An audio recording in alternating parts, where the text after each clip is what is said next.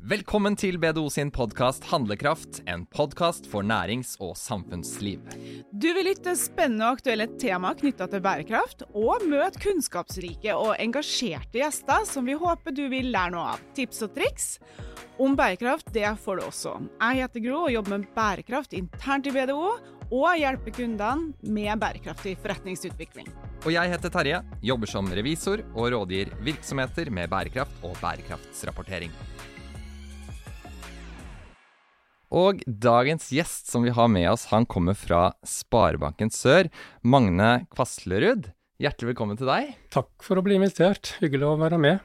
Så bra. Kan ikke du begynne å fortelle litt mer om deg selv og din bakgrunn, og gjerne litt om engasjementet ditt eh, for bærekraft, og ikke minst eh, engasjementet eh, Sparebanken Sør også har for bærekraft? Det gjør jeg gjerne. Med Magne Kvaslerud. Jeg er da ansvarlig for bærekraft i Sparebanken Sør. Ja. Har vært det nå i ja, to og et halvt år, så det er ikke så lang reise. Eh, min bakgrunn er økonom, eh, ingeniør. Eh, Jobba en del år i rådgivende ingeniørvirksomhet, mange år i bank. Mest innenfor kredittgivning, bedriftsmarkedet. Leda bankens risikostyringsavdeling i flere år. Vært også leda eiendomsmeglingsbutikken vår i et år. Ja. Og nå de siste tida, siste tida med bærekraft, som er et nytt og spennende tema. Ja. Når det gjelder bærekraft, altså Sparebanken Sør altså eh, Bærekraft er ett av de sentrale temaene som vi har eh, i bankens eh, strategiplan. Mm. Og vi har en misjon som eh, sier at vi skal bidra til bærekraftig utvikling og vekst i landsdelen vår. Yeah. Så det setter jo da egentlig veldig mye av rammene for uh, vårt arbeid med bærekraft. Mm. Både når det gjelder finansiering, utlån, og også for så vidt eh, Vi gir jo mye eh, penger tilbake i samfunnet eh, i form av gaver av overskuddet vårt. Og bidrar sånn sett til bærekraftige aktiviteter i landsdelen. Mm.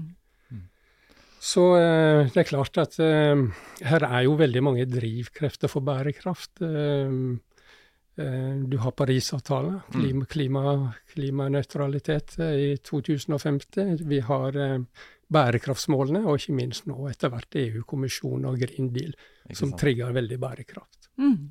Men ditt personlige engasjement, da. Når var det du eh, på en måte vekket uh, mer interesse for, for, bærekraft og beveget deg inn mot det feltet? Jeg tok i min uh, tidlige utdannelse en utdannelse i teknisk miljøvern og, og um, forurensning. Ja. Eh, så jobba jeg vel noen få år med det. Så jeg er jo heldig nå som etter en, noen tiår kan eh, børste støvet av den eh, gamle utdannelsen. da. Ja. Mm. Men eh, bærekraft er et kjempespennende tema, og ikke minst så er det jo et veldig viktig tema. Og, mm. jeg må innrømme jeg ble veldig overraska, for jeg trodde overhodet ikke at bærekraft eh, skulle være så stort når jeg starta med bærekraft. Mm. Men en ser jo nå at det blir integrert i samfunnet på alle områder. I små og mellomstore bedrifter, etter hvert eh, privat eh, finansiering. Og, og, ja, det styrer veldig mye. Og mm. det er veldig bredt og veldig viktig. Ja. Så det er egentlig noe som jeg eh, brenner for. Ja. Det er spennende. Og akkurat det du sier der, eh, det er eh, overalt. Eh, hvordan er det her for bransjen din? Eh, det treffer jo dere også i veldig stor grad. Hva betyr det for bank- og finansbransjen at dere nå har liksom det her så veldig høyt på agendaen og er forplikta bl.a. gjennom EU? Ja. Jeg tror vi starter litt med å si hva bærekraft er. Ja. Eh, altså bærekraft Med bærekraft så mener vi iallfall i bank og finans ESG-en. Mm. En som er environmental, eller det som er egentlig på norsk er altså klima, eh, mm. eh, natur, mm. bruk av naturressurser, biomangfold, biodiversitet, mm. er jo egentlig det E-en handler om. Ja.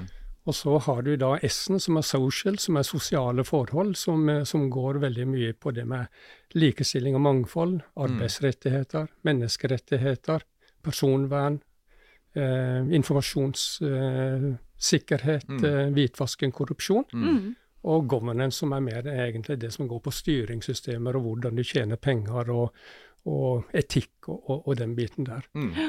Så det er jo liksom de tre områdene som er en satsing ned å jobbe med. Men det er klart at E og S og G betyr jo litt forskjellig fra de ulike typer bedriftene. Mm. Eh, litt avhengig av hva du driver med og, og hvordan du er. Så det som vi iallfall for vår del har gjort, er jo i forbindelse med rapportering etter GRI, så har du en såkalt vesentlighetsområder ikke sant, som du plukker ut. Mm. Og med Altså, GRI så tenker du på, på Global Reporting Ja. Dette rammeverket for bærekraftsrapportering. Ja. Mm. Og eh, eh, det er klart at hvis en ser på forretningsområden til bank, da, så handler jo det veldig mye om utlån Mm. og investeringer og Ja. finansieringer av utlån. Mm. Det er jo liksom core businessen. Mm. Eh, og så er jo liksom Hvor er det egentlig Hva er det vi bidrar med mest negativt av? Mm. Og hva kan vi bidra mest positivt av? Mm. er jo litt Ja. kjernen for å sortere ut hva er viktig for oss å jobbe med. Mm. Mm.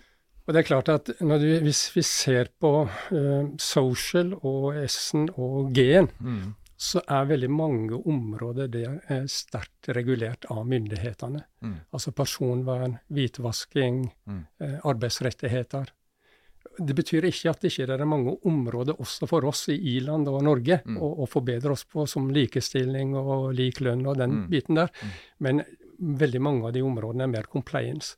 Så det er klart at sånn bank og finans, så er det nok én som er mest fokus på. Mm. Eh, og rett og slett da, per i dag så er det jo klima- og Parisavtalen, og nå eh, min, mindre enn togradersmålet i 250, Ja.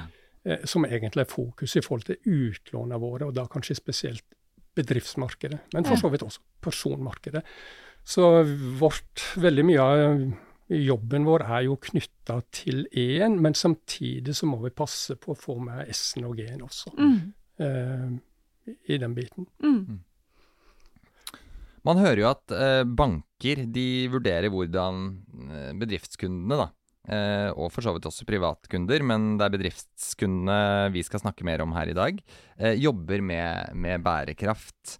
Eh, F.eks. når man skal søke et, et lån, og det vet vi jo at dere også har eh, absolutt fokus på. Kan du si noe om hvordan eh, dere går frem når dere gjør disse vurderingene? Ja, det kan jeg forsøke på. Eh, for et år siden så eh, utvikla vi eh, sammen med vår dataleverandør og implementerte en såkalt ESG-modul i kredittprosessene. Altså bankene har jo, altså Når bankene vurderer lån og kunder, så har de noen kredittvurderingssystemer som består for så vidt av mange moduler, Mm. eksempelvis eh, produkter, pris, eh, depot, sikkerhet og regnskapsmoduler. Og nå har vi også integrert en ESG-modul. Ja. Det betyr egentlig at for eh, alle bedriftskunder som søker lån hos oss, eh, vurderer vi i forhold til ESG-risiko. Mm. Ja. Mm. Altså, På lik hvor- linje med at dere vurderer de andre Ja. Ja. Mm. På Mm. lik linje for økonomisk risiko, forretningsmessig risiko, Mm. så er det ESG-risiko. Ja. Og det vi snakker om veldig mye der, er jo egentlig Altså, vi tar for oss eh, både klima, eh, natur. Mm. Natur kommer mer og mer. Så Det kommer jo også en ny naturavtale Mm. som er svar på Parisavtalen, som gjør at eh, det vil nok også bli et område som bankene får mye fokus på. Bruk av natur. Mm. Det må jo stille krav til de som jobber hos dere, som trenger denne forståelsen òg, vil jeg tro. Eh, Vi driver med kompetanse og opplæring, ja. Det er en veldig viktig bit. Ja, ja. Så den eh, modulen, der skårer scorer vi da kundene Ja. i forhold til risiko. Og det er klart at det vil jo kunne få konsekvenser for både prising og fullmakter. Mm. Men eh, det som, er, det som er viktigst, er jo egentlig å ikke kan si, nei til kunden, men tenke på hvilke muligheter har vi Mm. Ja. for å bistå kunden med å redusere sin ESG-risiko Mm. Gjennom eh, digitaliserte produkter, gjennom eh, grønne, bærekraftige Mm. produkter og den type ting. Slik at eh, bakgrunnen for at vi har implementert den modulen, er jo egentlig å kartlegge risikoen. Ikke sant. Eh, Det er jo den primære bakgrunnen. Samtidig så må du ha med deg mulighetsdimensjon. Mm. Hvilke muligheter gir dette, både Mm. oss og kunden? Ikke sant. Og det er klart at eh, ja. Men, men hvorfor skal kundene ha, ha fokus på det, da? Hva kan de tjene på dette, eller gjør man det bare med, med hjertet? Eh, samfunnsbidraget er Mm. for vår del et viktig element, Mm. og det vil jeg tro det er for mange kunder. Men det er klart at uh, what's in it for me Ja. er jo egentlig en viktig dimensjon. Mm. Og uh, hvis du tenker på kundene, så er det klart at uh, vi vurderer jo egentlig kundens eh, risiko. Mm. Har kunden for høy risiko, så kan det bety at vi i verste fall kan si nei til et lån. Ikke sant. Eh, Det kan også bety at eh, prisen på det lånet blir vanskelig. Ja. Så det er egentlig tilgang og eh, pris på lån. Mm. Er det her vi kommer inn på dette som man ofte kaller for grønne lån? Ja, det gjør det, men, men, det er klart at når det gjelder risiko, så mm. snakker vi jo egentlig primært kanskje om klimarisiko. Det ja. som handler mm. om overgangsrisiko, mm. og det som handler om fysisk risiko. Har dere sagt nei til noen, da? Vi har foreløpig ikke sagt nei til noen, nei. så uh, målet vårt er jo heller å hjelpe kundene. Ja. Både gjennom produkter og gjennom kundesamtaler, og gjøre de obs på det. Og, mm. og, jeg må vel også si at vi har jo egentlig en portefølje som er uh, ja, vi har ikke klimaverstingen i vår portefølje, for å si det så, antall pga. at det er lite av det i landsdelen. Mm. Og vi, og vi er bevisste på også hvilke uh, port porteføljer og bransjer vi vil gå inn i. Mm. Hvordan tar kundene imot denne eh, bistanden, da, hvis det er som du sier at dere ser at det er noe dere kan hjelpe dem med? Har ja. veilede dem, eller? Ja, altså jeg oppfatter, Nå sitter ikke jeg direkte i kundeleddet, mm. men jeg oppfatter jo det at kundene er positive. For det er klart ja. at det eh jeg tror bankene har en rolle som kan gjøre at vi kan være med og bevisstgjøre mm. ESG mm. hos kundene. Mm. Eh, hva, kan dere, hva, kan dere, gjøre for å mm. redusere risikoen? Hvor, hvor, er det risikoen er? Og det er klart, eh, som du er inne på, det med grønne lån eh, f.eks. er jo egentlig et eh, interessant moment i forhold til både tilgang og pris på finansiering. Mm. Og ikke minst eh, at kundene er bevisst på å redusere sin ESG-risiko. Mm. Eh, som blir mer og mer fokusert på det når det gjelder egenkapitalfinansiering og fremmedkapitalfinansiering fremover. Mm. mm. Samtidig så viser jo et, uh, en undersøkelse gjort gjennom et uh, SMB-barometer som vi har, uh, det viser at bare 4% av bedriftskundene motiveres av krav fra banken når det kommer til å jobbe med bærekraftige aktiviteter. Er dere for dårlige til å kommunisere ut disse fordelene man kan oppnå? Eh, det tror jeg nok. Og så er nok dette også en modningsprosess i bank. Mm. Altså, vi har jo hatt en ESG-modul eh, i operativ virksomhet i kun ett år. ikke sant? Og mm. andre banker eh, av tilsvarende størrelse er vel noe tilsvarende. Mm. Og det er klart at det er jo en modningsprosess å bygge kompetanse mm. eh, også. Eh, slik at eh, vi har sikkert en vei å gå der. Og, og, men det er klart at eh, for kundene så er det jo også ikke alltid like greit. Hva, hva skal de gripe fatt i når det mm. gjelder bærekraft? Mm. Uh, så, ja. så, det er nå i hvert fall en veldig utviklingsprosess på dette området. Men er, er det alle som skal gjennom denne risikovurderinga, eller er det noen kriterier til uavhengig av hvor stor man er, eller? Per i dag så har vi satt krav til at alle bedriftskunder med lån over eh, 8 millioner, eller engasjement ja. over 8 millioner, ja. skal gjennom en ESG-vurdering. Og så regner jeg med at vi kommer til å dra ned den grensa mm. etter hvert som ja. vi får mer og mer erfaring med det. For det tenker jeg er litt sånn nyttig for lytterne våre også. Mm. At selv om det kanskje ikke er aktuelt i dag, så kan det jo være at det endrer seg. For vi vet jo også at det endrer seg til stadighet også, for å få flere til å være med mm. på ja. denne reisa. Du snakker om grønne lån. Ja. Jeg er litt nysgjerrig på det. Ja. Eh, for hva er egentlig grønne lån?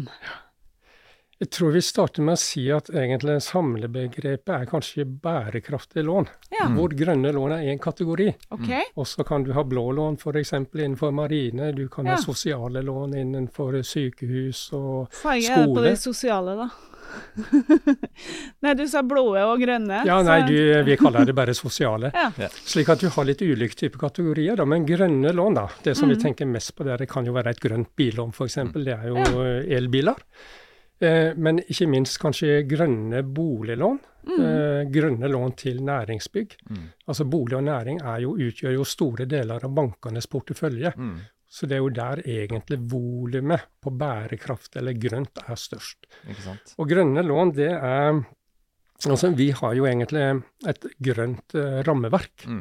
Uh, produktrammeverk for uh, hva som klassifiserer til å være grønt. Mm. Ja. Eller bærekraftig, da. Mm.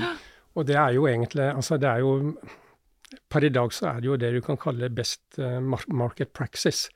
Og, og, det er jo gjerne disse større utenlandske uh, ratingbyråene, ESG-ratingbyråene, Sustainalytic, ISMS, uh, Moody's, mm. som egentlig setter de kriteriene for hva som er grønt. Ja. Så for å bli grønn, så må du tilfredsstille noen kriterier. Mm. Eksempelvis da, for å bli, ha et grønt boliglån, så må du egentlig være da, ha en TEK 10 Mm. eller TEK 17. Dvs. Si en byggenorm etter 2010-2017. Mm. Eller en energiklasse A Ja. og B. Ja, så det er ikke at det må være Bream-sertifisert, eller vi har ikke kommet dit ennå?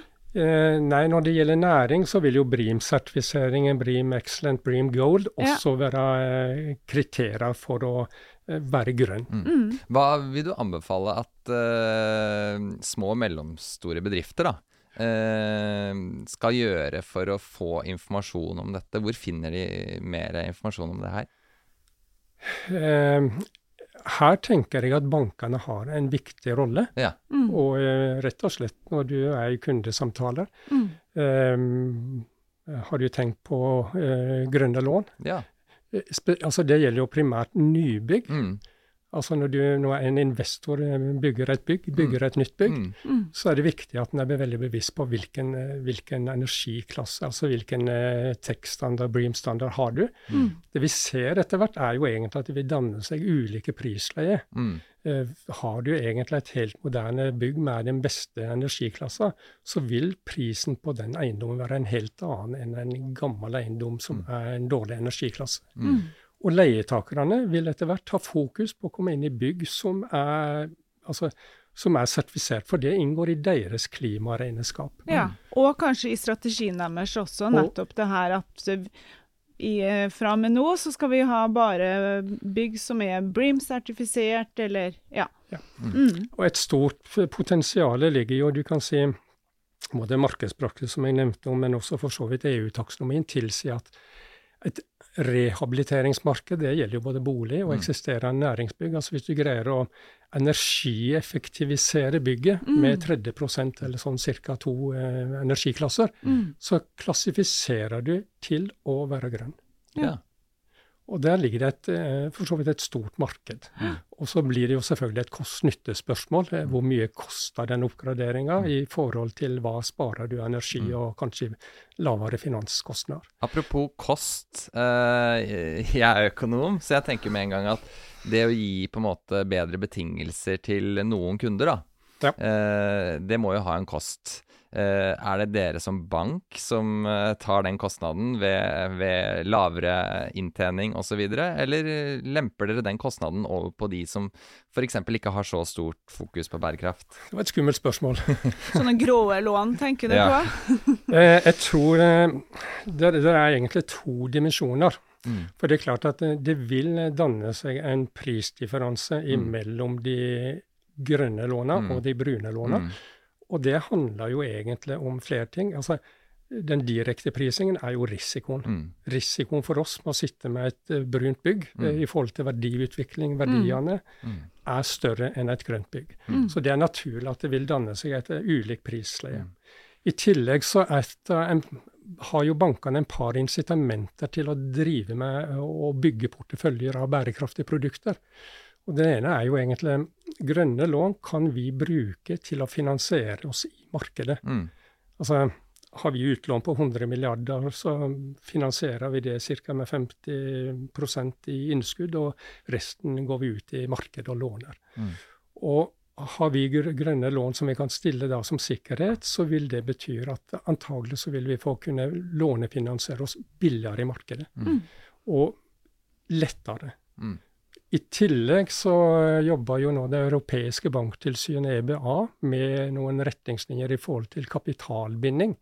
Eh, hvor jeg regner med at i løpet av en par-tre par, år så vil det komme et regelverk der som jeg tror gjør at grønne lån vil få lavere risikovekter i forhold til kapitalbindinga Mm. Enn de som er brune lån. Mm. Og Det er klart at det er interessant for bankene å binde mindre kapital. Vi kan låne ut mer penger på Mm. samme kapital og få bedre egenkapitalavkastning. Så når du spør hvem får kostnad, så er den litt sånn todelt. Ja, eh, brune lån får den nok også, Mm. men her er også noen incitamenter eh, i form av både billigere finansiering og eh, kapitalbindinger eh, som gjør det mulig å prise ned. Mm. Og så vil dette prisleiet Foreløpig så er det ikke så mange rentepunkter vi snakker om, men det vil nok bli en større differensiering på prising på eh, grønt, eh, mørkegrønt, lysegrønt, eh, brunt og grått mm. fremover. Mm. Ja. Hvis det er noen som sitter og lytter nå og tenker grønt lån, det høres kjempeinteressant ut, det er noe som, det er noe som min virksomhet har lyst til å utforske litt. Hvordan skal de innrette seg til det her? Eh, det som det handler om, er jo egentlig om det er nybygg eller nytt bygg. Er det nytt bygg, så er ja. jo dette noe som du må jobbe med arkitekt ikke mm. sant, og konsulenter om. og og, ta stilling til hva er merkosten med å få et sånt type bygg, mm. uh, og om de er villige til det. Uh, når det gjelder eksisterende bygg, så blir jo det egentlig da et regnestykke. Hva må jeg gjøre av uh, tiltak her for å kunne oppgradere energieffektiviteten med to klasser. Ja, ja Bytte vinduer osv. Bytte vinduer, solceller på taket mm. og litt sånne ting. Og her finnes det vel ulike firmaer som også har litt sånne Eh, løsninger for det. Ja. For å kunne beregne det. Og så er det den her berømte EU-taksonomien. Mm. Nå er jeg så heldig å stå her med to økonomer, da. Så um, kan ikke du si litt mer om uh, hva det egentlig er?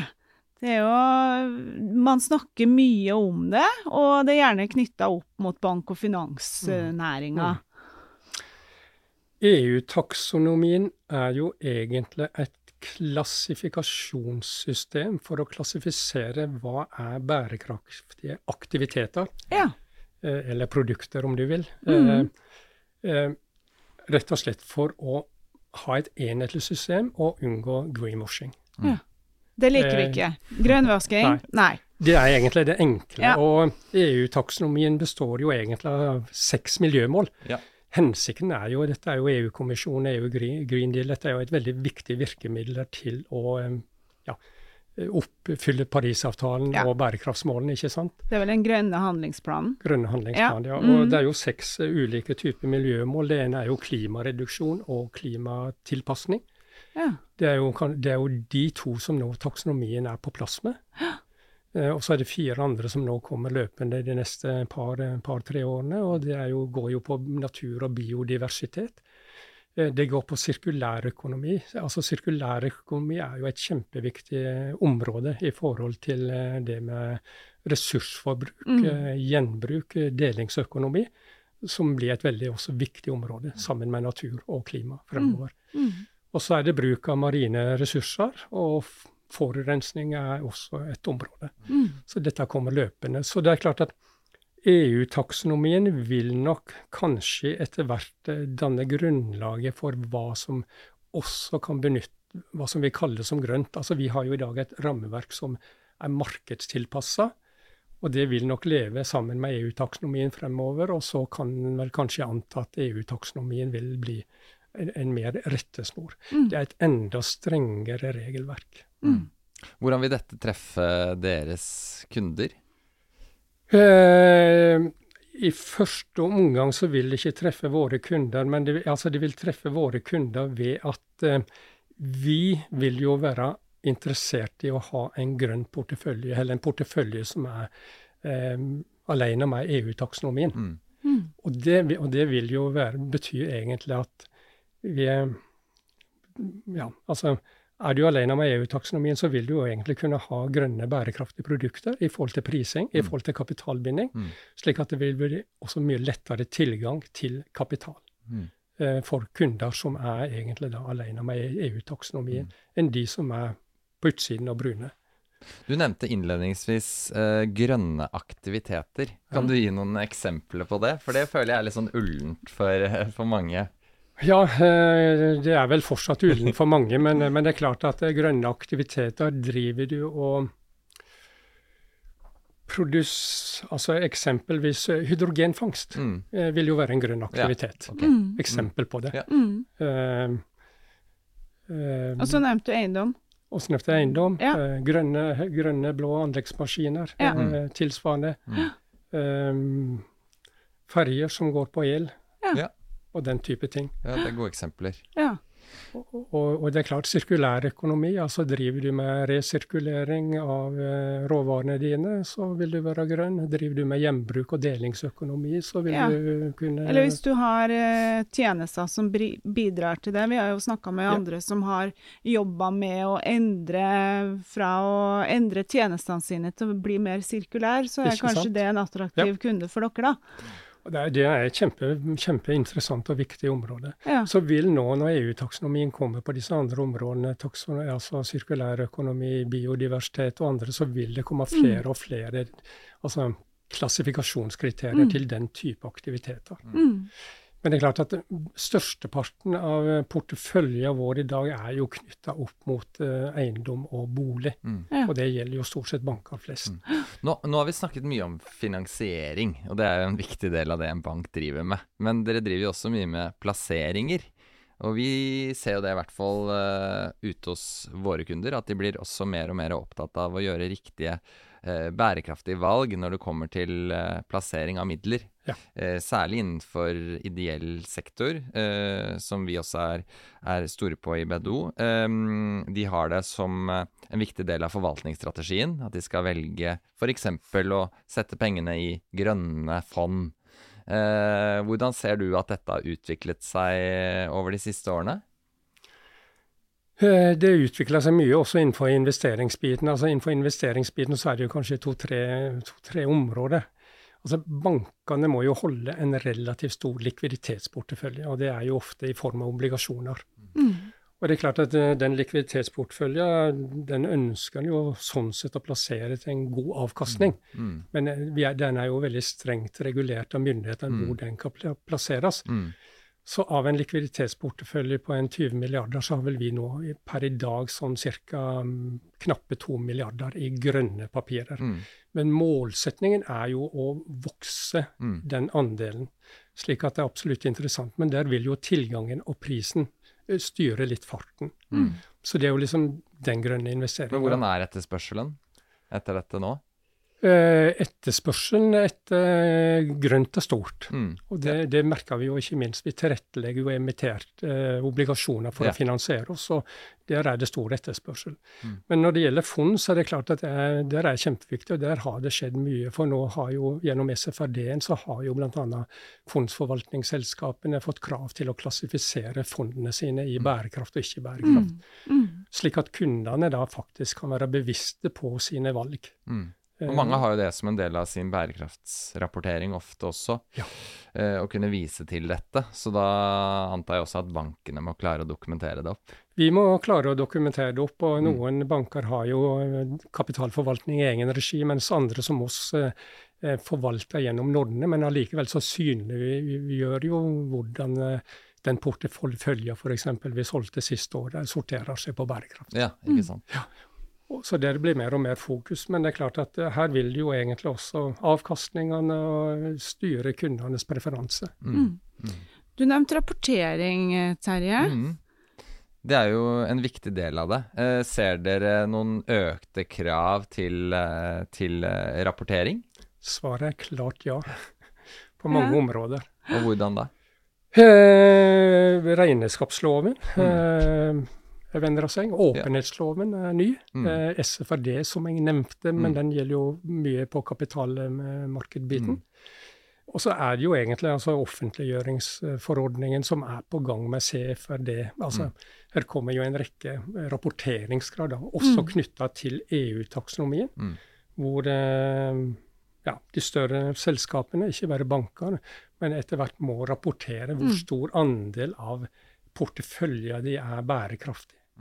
Eh, hvor mye kapital av investeringene går til bærekraftig. Mm. Hvor mye av driftskostnadene bruker han på bærekraftig. Så her kommer det veldig mye rapporteringskrav for å gjøre det transparent. Og det er klart at EU, eh, FN-systemet og andre er jo veldig opptatt av at en kan synliggjøre hva er status og forbedringer mm. på dette området. Mm. Og derfor blir bankene pålagt veldig mye eh, rapportering. Og bankene og forsikringsselskapene er jo egentlig bransjer som kan være med å påvirke mm. markedet veldig mye gjennom eh, finansiering, forsikringer. Mm. Mm. Og det vet jo selvfølgelig EU også. Og det er klart at her blir det litt sånn gulrot og pisk, litt rapporteringskrav, Mm. samtidig med kanskje litt lettere kapitalbinding og litt bedre finansiering. Mm. Så det at dere får økte rapporteringskrav, det vil også gjøre at kundene får det indirekte? Eh, ja, indirekte så vil jo vi etter hvert måtte rapportere eksempelvis, og hvis vi kan tenke som eh, et viktig område for bankene å forbedre seg på, er jo klimautslipp fra utlånsportefølje. Mm, ikke Ja. sant? Mm. Og det er klart at eh, i dag er det relativt mangelfylt data og metoder for det. Mm. Altså Vi har noen metoder som vi rapporterer hvor mye utslipp har vi i porteføljen vår, men det er klart at den dagen kundene har sitt eget klimaregnskap, så har vi egentlig fasiten. Ja. Mm. Og det vil det nok bli mer og mer krav om fremover, tenker jeg. Mm. Klimaregnskap. Det har vi en egen uh, Ja, podkastepisode Det har på. vi, men eh, vi snakka litt sammen i forkant her også, og så sa du noen ting om at klimaregnskap, eller miljøsertifisering, eller et miljøledelsessystem, var, det var smart å ha. Ja, jeg tror, jeg tror mange, mange små, små og mellomstore bedrifter sliter litt kanskje med hvor skal vi gripe fatt i bærekraft, hvor skal vi Mm. begynne? Mm. Eh, Det er klart, ressurser er jo egentlig kanskje det første, å dedikere ressurser. Ja. Men som du er inne på, så tror jeg kanskje en Altså, Det vil jo variere selvfølgelig i forhold til hvilken type bedrift det er, og der kan det jo være nyttig å ha en såkalt, en kall det gjerne en vesentlighetsanalyse, hvor påvirker vi? Men et miljøledelsessystem, f.eks. miljøfyrtårn eh, ISO 14001, vil være egentlig en veldig lur og, og fornuftig start. Da vil du få på plass eh, en del systemer, eh, policyer, retningslinjer om, og, og, og rammevilkår for å jobbe med bærekraft. Mm. Spesielt internt i bedriften. da. Mm. Og du vil også få et klimaregnskap. Og det er klart Klimaregnskap vil nå både offentlige og større private aktører stille krav til eh, at du har mm, sertifisert og klimaregnskap for at du i det hele tatt kan regne på tilbud og anbud. Mm. Så det er en smart måte å begynne på. Mm. Bra.